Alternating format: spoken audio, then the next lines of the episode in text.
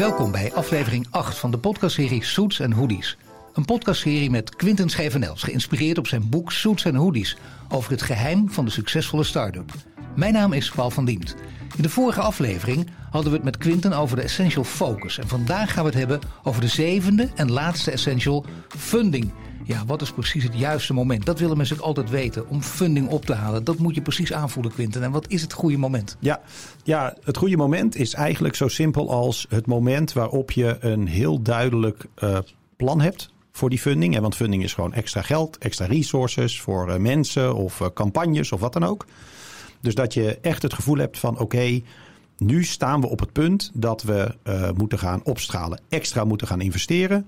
Uh, dus meer geld nodig hebben dan er nu bijvoorbeeld qua, qua omzet binnen, binnenkomt. Uh, dat is eigenlijk het meest natuurlijke moment om funding op te halen. Uh, soms is het een beetje anders van het geld is bijna op. We hebben nog niet helemaal het bewijs geleverd. we kunnen de rekeningen niet meer betalen. Oh, we, we hebben wat funding nodig. Maar dat is meer een, een soort overbruggingsfunding die je nodig hebt. Dat zie je toch ook vaak bij ondernemers die dat jarenlang op die manier doen. Bijna de, de houtje-touwtje methode noem ik het altijd. Ja, ja, ja en dat zijn dan dus, dat noemen ze wel eens de, de walking dead.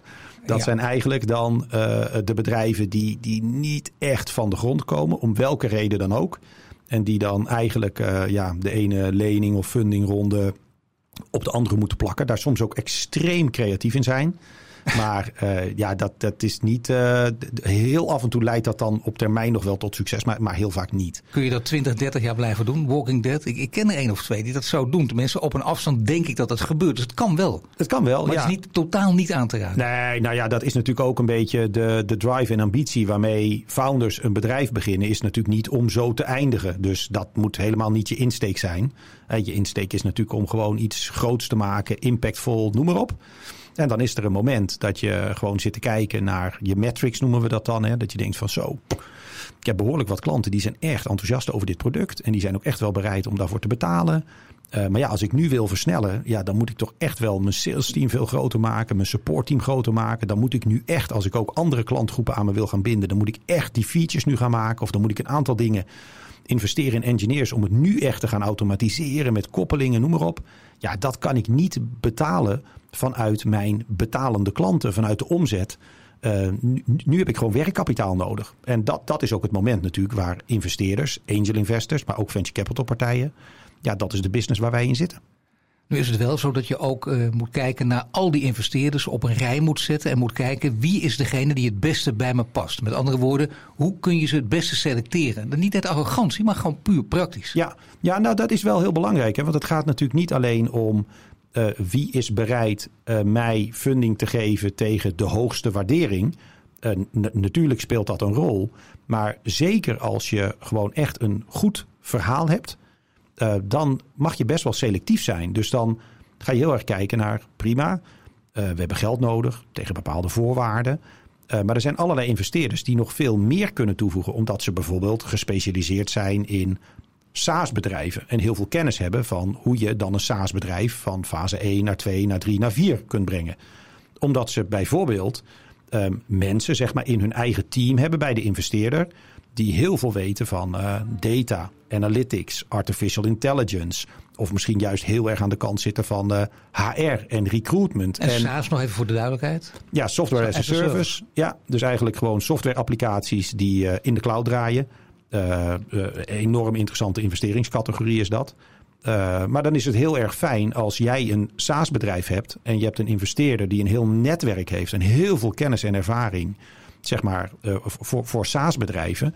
Dat je niet alleen funding krijgt, maar ook toegang krijgt tot dat netwerk. Misschien wel toegang krijgt tot klanten.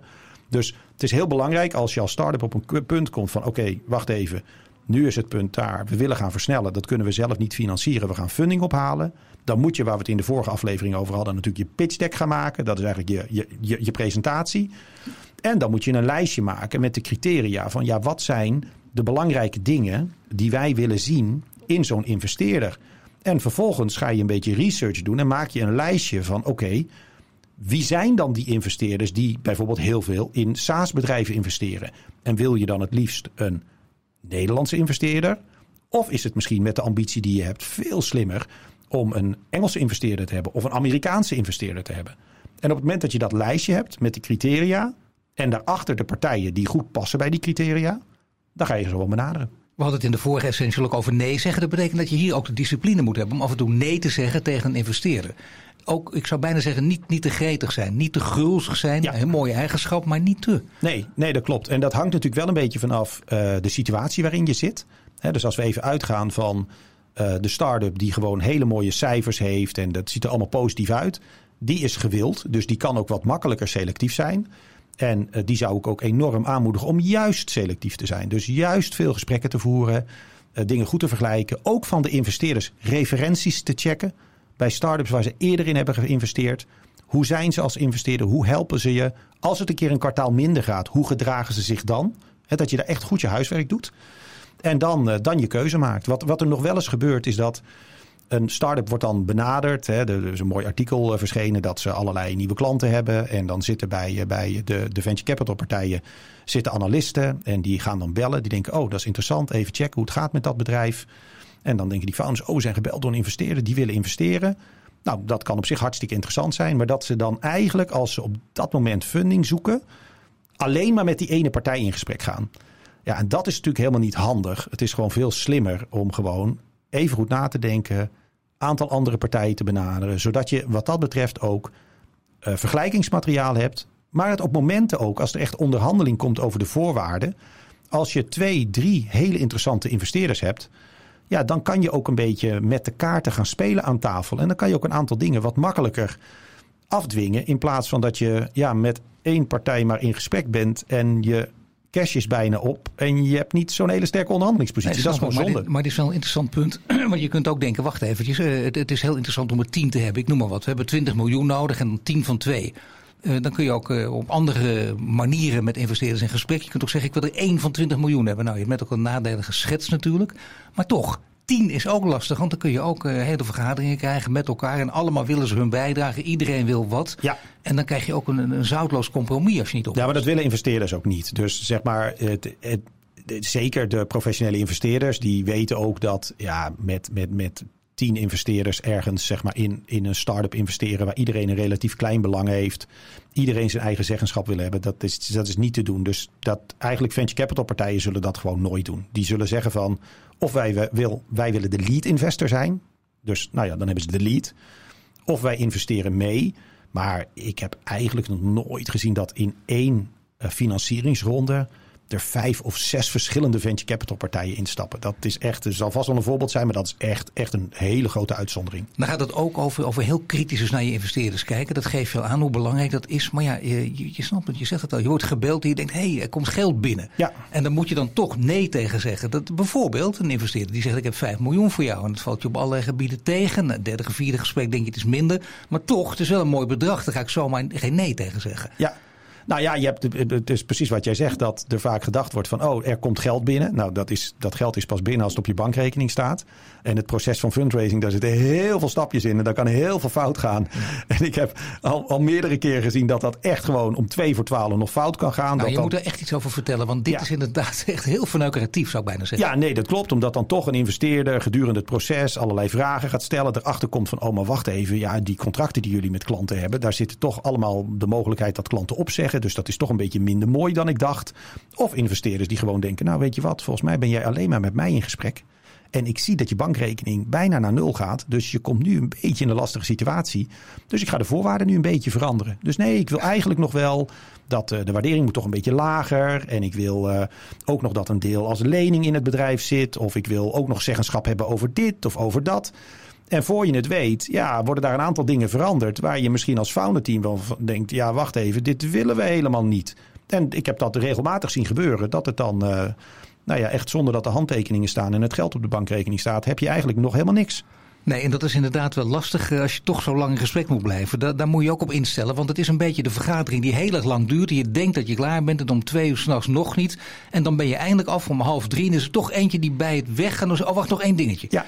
Maar dat is verschrikkelijk. Dat ja. is echt verschrikkelijk. En is, is dat een moment om te denken, als je het verschrikkelijk vindt, moet ik ook afscheid nemen? Moet ik het gewoon niet doen? Ja, nou, als dat niet, dat is, het is, als dat niet goed voelt, eh, dan moet je het niet doen. En daarom is het dus belangrijk uh, dat je eigenlijk meerdere ijzers in het vuur hebt. Dat je er even een proces van maakt.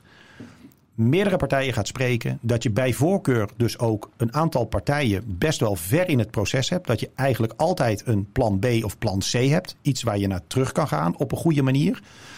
En heel belangrijk, in dat proces, zeker als je hè, op een gegeven moment in het proces, je maakt een pitch deck, je spreekt investeerders, je selecteert. Dan krijg je een term sheet, non-binding offer. Dus dat is echt wel wat serieuzer. Als je dat hebt gehad en je kiest een partij, dan wordt er vaak gezegd: nu gaan wij een periode in dat je alleen maar met mij als investeerder in gesprek bent, exclusief. Dan kunnen wij onze due diligence doen, de data room. Dan gaan we meer de diepte in. En aan het einde daarvan, dan doen wij een bindend bod. En dan moeten we daarna nog uh, aandeelhoudersovereenkomst uit onderhandelen, noem maar op. Dus je voelt al, er zitten allemaal stappen in met ook best wel weer risico. Maar wat heel belangrijk wordt als je die gesprekken hebt gevoerd met investeerders, als je de term sheets krijgt of net daarvoor, dat je ook zorgt dat je dus een goede jurist hebt die je helpt. Want die jurist, die heeft heel vaak dit soort processen doorlopen. Die weet heel goed waar die op moet letten, waar de vervelende kleine lettertjes zit. Die weet ook heel goed wat normaal is en niet normaal is. Want zo'n investeerder zegt soms: nee, joh, maar het is heel normaal dat dit in contracten staat. En zo'n founder team denkt: ja, weet ik veel, ik heb dit nog nooit gezien. Ja, gewoon dit standaard. Zal wel kloppen als ze het zeggen. Terwijl zo'n jurist zegt: ja, leuk dat zij dat zeggen. Dit is helemaal niet. En je moet er bijna om lachen, maar het gebeurt nou echt minstens in 50% van de fundingrondes gebeurt dit gewoon. Ja, nee, maar ik moet om lachen, want ik herken het ook wel. Als iemand dan zegt standaard, dan denk je, ja, dat, dat, hoe zou dat, dat ik dat niet weet? Dat is ook stom en dan ga je in mee. Dat is natuurlijk helemaal verkeerd. En je moet ook niet die eigen wijsheid hebben die we als ondernemer, of die ondernemers natuurlijk bijna altijd hebben. Uh, ik, heel goed ook, die eigen wijsheid. Maar hier snappen dat je gewoon juridische kennis nodig hebt. Dat is een heel andere, ja. andere tak van sport, om het maar even zo te omschrijven. Ja, of andere founders gewoon bellen die, die meerdere financieringsrondes hebben gedaan. En gewoon zeggen van, joh, weet je, ik ben nou hier en hier mee bezig. Wil je gewoon even met me meekijken? Want ik weet niet zo goed wat ik hier nou eigenlijk van moet vinden. Dus ook hier geldt weer, uh, zoek dan gewoon een beetje hulp en mensen die het eerder hebben gedaan. Want die uh, hebben waarschijnlijk in het verleden al hun fouten gemaakt. En die kunnen zorgen dat jij die fout niet maakt. Maar ja, de ondernemers die ik spreek allemaal. En volgens mij ben jij er ook een, uh, Quinten. Uh, die hebben geen geduld. Althans, dat is niet hun beste eigenschap. Ja. En dat moet je in het hele proces, zoals jij het nu beschrijft, juist wel hebben. Dat is ook weer ja, discipline en geduld. Dat, dat, dat hoort ook bij elkaar, denk ik. Hoe kun je je daarin trainen om hier geduldig in te zijn? Zonder dat je, dat je het type vervelende zeiker wordt. Ja. Ook voor je omgeving. Ja, nou je zitten twee dingen. Dus aan de ene kant moet je een beetje het geduld hebben om zeg maar het, het spel goed te kunnen spelen. Want dit is natuurlijk toch een, een onderhandelingsspel en een hele belangrijke keuze die je gaat maken. En aan de andere kant moet je geduld hebben, omdat dit gewoon een proces is met. Dit heeft gewoon een, een doorlooptijd. En uh, bijna iedereen verkijkt zich daar altijd op. Uh, funding ophalen kost. Qua, qua, doorlooptijd duurt gewoon langer dan je zou willen. Vaak drie tot zes maanden. Heel soms korter, soms ook nog wel langer. En in die tijd kost het het founder team, of in ieder geval één van de founders, dus het liefst maak je één iemand verantwoordelijk, dat niet iedereen afgeleid is, kost het gewoon heel veel tijd. Je moet presentaties maken, dan komen die investeerders weer terug met allerlei vragen. Dan moet je een dataroom gaan inrichten waar je personeelscontracten in moet zetten, IT-architectuur. En het kost gewoon heel erg veel tijd. Dus het is heel belangrijk dat je um, ook al goed nadenkt. Dat je niet op het, op het moment dat je funding nodig hebt, dat je dan zegt: Oh, nu gaan we het doen. Maar dat je met elkaar al ziet: Oké, wacht even, jongens. We hebben een plan gemaakt voor komend jaar. Als alles goed gaat, dan betekent dat we zo'n beetje na de zomer moeten we echt gaan nadenken over fundraising. Want dat hebben we volgend jaar. Gaan we dan verder versnellen? En dan moeten we dus die funding hebben. Dus dat moeten we wel maanden van tevoren. Moeten we dan nadenken over dat proces en dat al gaan starten. Want het is niet zo dat je naar de pinautomaat loopt, pas je erin, je hebt het geld. Nee. Dat heeft gewoon een enorme doorlooptijd. En als je dat dus niet van tevoren al uitdenkt en in gang zet, dan op het moment dat je het geld nodig hebt, heb je het niet, want dan begint het proces pas. En dan verlies je weer dat momentum. Want je wil juist dat geld hebben om op te schalen.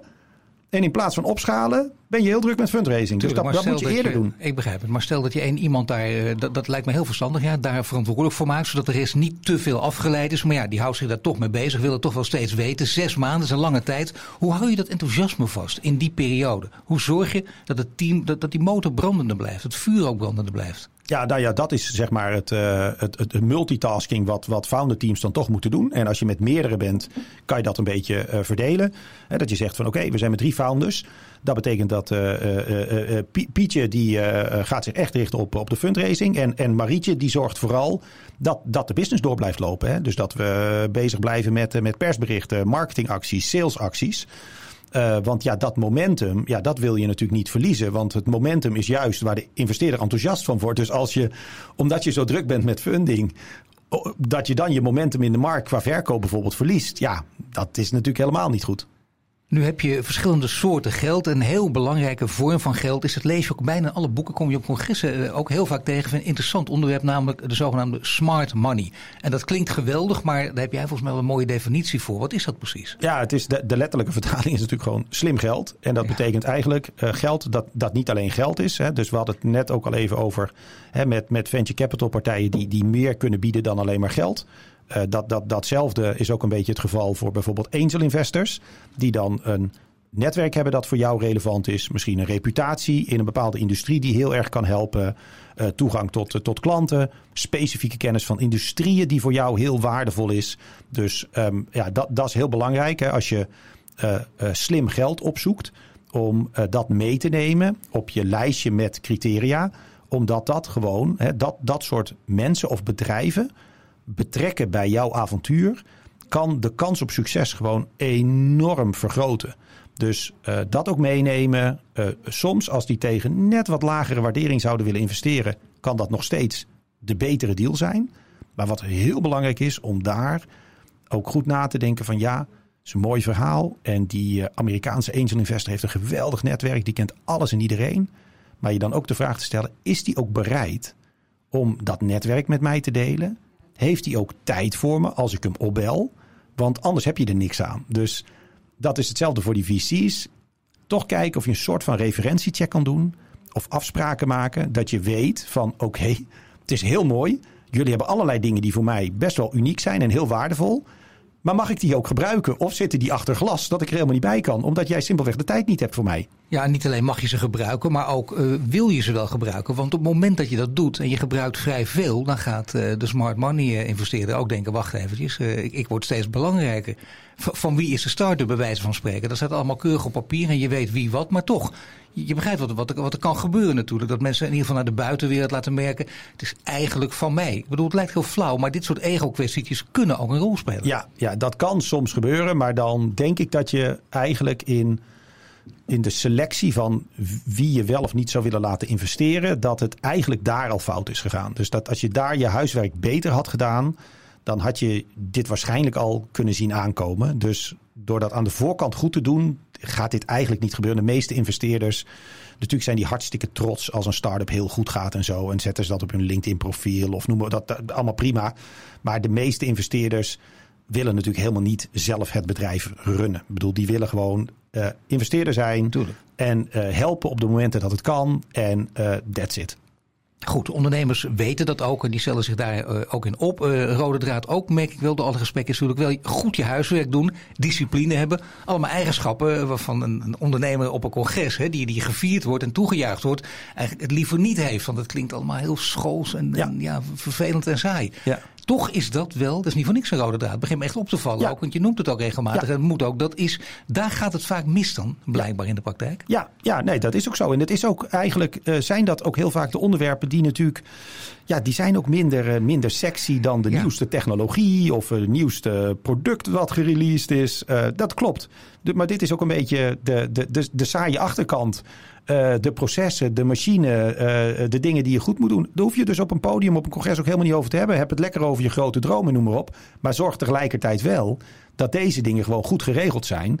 Want uh, ja, jouw start-up gaat zo hard groeien dat het anders dadelijk van een uit elkaar valt. Als je dit soort dingen gewoon niet, niet goed regelt. Er zijn heel veel problemen die je door uh, gewoon go dingen goed uit te denken, kan je heel veel problemen voorkomen. En uh, ja, brandpreventie is wat minder ja. uh, heldhaftig dan uh, de, de brandweerman die met loeiende sirenes aankomt rijden. Maar uiteindelijk is het natuurlijk gewoon veel slimmer om dat zo te doen. Ja, en zeker dus bij de mensen die je aantrekt op die mentaliteit letten. De, de, dat, dat overenthousiasme, dat is fantastisch. Dat wil je ook graag om je heen hebben. Maar het zijn ook vaak de mensen die dan wat minder huiswerk doen. Maar even zo dit neer te zetten. Ja. En die, en die iets minder gele, zich iets minder gelegen laten aan discipline. Want die denken, ik ben ook een halve kunstenaar. Dus dat hoeft eigenlijk niet. Ja, ja. Die mensen moet je eigenlijk niet te veel om je heen Nou ja, die kan best, zo iemand kan prima in een founder team zitten of kan ook een, een van de angel investors zijn. Maar het gaat er iedere keer om dat je ook een soort balans in het team hebt. Daar, daar diversiteit op dat gebied, zodat ja, ieder, iedereen zeg maar ook gewoon tot, tot, tot zijn recht komt. Denk, want we hebben natuurlijk heel over funding en dat is ook hartstikke belangrijk. Tegelijkertijd zijn er ook een aantal super succesvolle start-ups die zeg maar, een heel interessant businessmodel hebben en die dat relatief, wat we dan bootstrapped kunnen doen. Dus die zijn heel uh, voorzichtig met wat ze uitgeven, hebben best wel snel een mooi product waar klanten ook echt bereid zijn om voor te betalen. En die groeien, die groeien, die groeien. En die hebben onderweg eigenlijk nooit extern kapitaal nodig. Die kom je dus ook niet zo vaak in de krant tegen. Want meestal is natuurlijk het ronkende persbericht is Adyen heeft 180 miljoen funding opgehaald. Nou, iedereen de waardering is meer dan een miljard. Nou ja, oké, dan is hij zo, wauw, dat is een succesvol bedrijf. Anders had je niet eens geweten wat Adyen is. Um, maar dat, dus, het is niet altijd nodig dat je, dat je funding ophaalt. Hè. Als je het bootstrapped kan doen, hoef je ook geen aandelen weg te geven. En kan dat natuurlijk ook een hele goede keuze zijn. En we hebben in Nederland hebben we Backbase, fintech bedrijf. Uh, vorig jaar dan wel een keer in de media, omdat ze daar wel een deel van de aandelen hebben verkocht. Uh, maar de eerste financieringsronde die ze doen, is eigenlijk op het moment dat het bedrijf al meer dan een miljard waard is. En, en, en die founder CEO heeft dat dus gewoon in, in 10, 15 jaar gewoon eigenlijk onder de radar gewoon een heel succesvol bedrijf gebouwd. Ja, dat is natuurlijk echt verschrikkelijk knap. Nou moeten we ook kijken naar de tijd waarin we praten. En het is heel duidelijk, wij praten in het jaar 2023. En ja, dat is een ander jaar voor start-ups die geld willen ophalen. Niet zo'n makkelijk jaar als een paar jaar geleden. En ja, dat is veel lastiger, veel moeilijker. Dus ja, ook je kunt minder eisen stellen. Hoe is de situatie nu? Hoe moet je je instellen in deze tijd? Ja, dat is, nou, dat is echt wel een hele grote verandering. Dus we komen um, vanuit een periode eigenlijk een beetje 2019, 2020, 2021 rentestand natuurlijk extreem uh, laag. Dus geld was bijna gratis. En dat betekent ook dat uh, eigenlijk de start-up wereld overspoeld werd met, uh, met kapitaal. En daardoor, ja, dat is natuurlijk een spel van vraag en aanbod. Dus dat betekent gewoon dat de waarderingen enorm omhoog zijn gegaan. Dat het voor start-ups eigenlijk een periode heel makkelijk was om, om geld op te halen. Eigenlijk te makkelijk zou ik willen zeggen. Te en, makkelijk? ja, te makkelijk. Omdat ja, dat is toch een beetje een soort natuurwetten. Uh, dat betekent ook dat er gewoon heel veel geld gaat naar teams die niet zo heel goed zijn. Ideeën die niet zo heel goed zijn. En dat is eigenlijk zonde dat dat kapitaal en het talent ja, dan eigenlijk verbrand wordt op uh, niet zo'n goede ideeën. Maar is dit vanuit het idee greed is good? Dat vind ik ook vaak zo'n misverstand. wil ik jou toch even tussendoor wel voorleggen, want dat heeft hier wel mee te maken. Er komt nog meer geld binnen je in een tijd, hè? we hebben het niet over 2023, maar ervoor dat het ja. makkelijk ging. Er komt nog, nou dat pakken we ook, die pakken we er ook bij. En dat greed is good. En dat leren ze allemaal, de, laten we zeggen de wat kleinere ondernemers van Elon Musk. Ja. En dan denk ik altijd, ja, Elon Musk moet, dat, dat, moet wel zo denken. Maar als je daaronder zit, moet je veel minder zo denken. Dat ja. is heel gek. Ja, nou ja, en je, nee, dus de, het risico is dan, als het heel makkelijk is om veel geld op te halen, dan uh, heb je veel geld staan. Dat moet je ook gaan uitgeven. Dus wat ga je dan doen? Dan ga je heel veel mensen aannemen, marketingcampagnes doen, noem maar op. Ja. Terwijl het misschien helemaal nog niet het moment is om dat te gaan doen. En dat zie je nu eigenlijk ook op grotere schaal gebeuren. Nu heel recent bij de big tech bedrijven in Amerika. Waar uh, ook die bedrijven, ja. waarderingen gingen enorm omhoog. Kapitaal was voor hun ook heel aantrekkelijk om op te halen. Um, ja, die zijn gewoon ook heel veel mensen gaan aannemen. En die worden nu allemaal weer ontslagen. Hè. Dus daar gaan gewoon tienduizenden mensen worden daar ontslagen. En dat, dat is toch een beetje het gevolg van de gekte op de markt. Nou, nu naar vandaag de dag. Ja, is dat natuurlijk uh, gewoon afgelopen jaar, anderhalf jaar, is dat enorm veranderd. Dus uh, de waarderingen van techbedrijven zijn heel hard naar beneden gegaan. Rente gaat langzamerhand omhoog. Kapitaal is schaarser. Economische onzekerheid. dus we gaan nu eigenlijk terug naar normaal. Ja, dus de afgelopen jaren was niet normaal. Nee. Dit is meer normaal. Maar dat betekent wel voor uh, founders, voor, voor start-ups, dat het um, wat langer duurt om geld op te halen. Hè, dus in die gekte ja, werd er ook veel meer risico genomen door investeerders. Hè. Dus er was soms in een week tijd had je de funding op de bankrekening staan. Nou, dat is nu echt niet meer het geval. En men is wat selectiever in um, welk team. Is het idee echt wel goed? Is er voldoende bewijs? Waardering, nou, een beetje lager. Misschien een beetje minder funding erin. Dus um, ja, dat is, dat is het normaal van nu. Waar oh ja, teams zich moeten aanpassen. Dat is overigens ook helemaal niet zo'n zo rare omschrijving. En ook helemaal niet zo, zo, zo negatief zoals je nee. het zou zeggen. terug naar normaal, dat hebben we in 2008 ook gezien. Vlak voor de financiële crisis uitbrak. Ja, toen moesten we ook wel. Dan, dan is er iets nodig om terug naar normaal te komen. Ja. Maar er speelt nu nog iets mee. Namelijk, bijna alle experts zijn het op heel veel gebieden niet eens. Maar over één ding wel. Je hoort het woord steeds vaker frozen conflict als het gaat over die oorlog. Dat betekent dat het dus heel erg lang gaat duren. Het zit helemaal vast, het is bevroren. Er is geen uitweg. En dan, de eerste uitweg is een grote wereldoorlog. Daar gaan we niet vanuit. Want dan kunnen we dit hele verhaal, de hele podcast weggooien. dat is maar dat is een ander verhaal. Ja. Maar dat frozen conflict, daar hou je natuurlijk als investeerder en ondernemer ook rekening mee. Is dat, uh, betekent dat dat we dan in een hele lange situatie van normaal zitten? Of wordt het ook, ook penibeler en, en, en lastiger en negatiever? Ik denk dat dat... Op de knieën zit, op de handen zitten dus. Ja, nou dat heeft natuurlijk... Uh, dus investeerders kijken dan een beetje van wat betekent dat macro-economisch. Hè? Uh, als in ontwikkelingen, rentestand, venture capital partijen. kunnen wij weer een nieuw fonds ophalen? Zijn pensioenfondsen bereid te investeren? Dat soort dingen. Nou, dat zijn keuzes die die maken in verschillende asset classes en zo. Dat is allemaal een beetje, een beetje ingewikkeld. Uh, voor individuele start-ups hangt het er natuurlijk heel erg vanaf wat voor type start-up jij hebt. Hè. Dus dit kan, dat frozen conflict kan natuurlijk impact hebben op economische groei, inflatie, dat soort dingen. Uh, maar in principe zijn er natuurlijk heel veel start-ups voor wie dit eigenlijk niet zo heel erg veel uitmaakt. En voor goede teams, goede ideeën is ook in deze markt meer dan voldoende geld beschikbaar. Beetje realistischere waardering, maar dat is echt wel geld. Alleen het zijn de, de middelmatige ideeën, middelmatige teams, die krijgen het moeilijker. Uh, de, de, teams die een veel te hoge verwachting hebben qua waardering, die krijgen het dan, dan moeilijker. Maar ik ben voor zeg maar de, het, start- en scale-up ecosysteem. Uh, ben ik eigenlijk niet zo heel erg bezorgd over de situatie, uh, zeg maar Rusland, Oekraïne. Ja, wereldoorlog verandert alles, maar ik nou, heb ergens toch wel uh, wellicht iets wat naïef de hoop dat we dat toch echt wel weten te voorkomen. Nee, ja, tuurlijk. Nee, zeker. Maar ook als we het weten te voorkomen, dus een frozen conflict, dan is het toch ook voor de, voor de goede, niet de middelmatige, maar de goede, zoals jij ze ook noemt, uh, heeft het toch met een sentiment te maken. Dat hangt. Ja. En dat ja. sentiment, dat hebben economen inmiddels ook onderkend, dat doet er ook toe. Het is niet allemaal even rationeel. Dus dat, en, je, en je kijkt ver vooruit, dat ook. Maar je denkt, nou, dan, dan nog maak je daar niet te veel zorgen over. Nee, nee, nee. nee. En, tegelijkertijd ook, dat is iedere keer uh, zo. Uh, en dat vind ik ook de kracht zeg maar, van ondernemers en het leuke. Welke kansen biedt dit dan? He, dus in welke markten, juist door dat frozen conflict, ontstaan opportunities om, om, om te versnellen? Nou, of dat gaat om uh, klimaattransitie of andere dingen. Er zijn iedere keer ook weer in, in, in negatieve situaties, onzekerheid, ontstaan allerlei kansen. Hè? Dus je kan er naar kijken van wat is de negatieve impact van deze situatie voor mij. Maar oh, jezelf ook de vraag stellen, zitten hier ook kansen? Kan ik hier, kan ik hier ook iets mee? En daar, ja, daar, liggen dan, daar ontstaan ook weer allerlei nieuwe start-ups. Of wat we gezien hebben met, met corona. Wat natuurlijk hè, lockdown is allemaal hartstikke vervelend. En als je een hotel hebt is het dramatisch. Maar wat er ook gebeurt is dat er allerlei start-ups zijn over e-learning, remote werken. Die in één keer een enorme vlucht nemen. Thuisbezorgen van boodschappen, Crisp, Picnic. Die zijn juist hartstikke hard gegroeid. Dus iedere keer zitten er ook weer opportunities. En het mooie vaak van founders en ondernemers is dat ze die weten te vinden. En als je daar dan funding voor nodig hebt, dan ook in deze markt, die funding is gewoon beschikbaar. Ja, voor de duidelijkheid ook een opportunisme, dat vreselijke woord. En dat wordt altijd als negatief gezien, maar is dat natuurlijk helemaal niet. Ook een beetje open deur, maar wel voor ondernemers van enorm belang. Gewoon opportunistisch blijven ook. Ja, zeker. Ja, nee, je moet natuurlijk opportunistisch en je moet die, die energie en die drive naar voren, die, die moet je wel houden. Ook op momenten dat je zelf misschien een beetje twijfelt. Ja, jij als, als opperaanjager, oppercultuurdrager. Zo'n mooie quote is: uh, CEO, you have to absorb fear and provide hope. Ja, dat is wat je een beetje moet doen. Ja, en naar zo'n zin, dan, dan, dan moet er een bil kopen. Precies.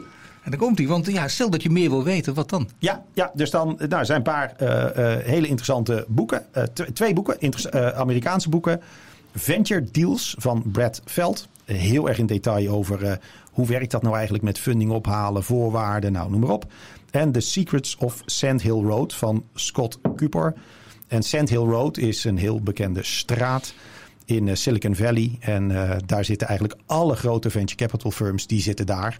Dus ook dat is wel een heel mooi boek, zeg maar, over hoe gaat dat nou eigenlijk, hoe werkt het. Nou, dit was, dank je Quinten, dit was aflevering 8 uit de podcastserie Suits en Hoodies, waarin we het hadden over de laatste essential funding. En in de volgende aflevering dan gaan we het hebben over founders dilemma's. Wil je meer weten, dan kun je Quinten volgen op Twitter of LinkedIn. En heb je vragen of suggesties, dan kun je die uiteraard ook daar gaan delen.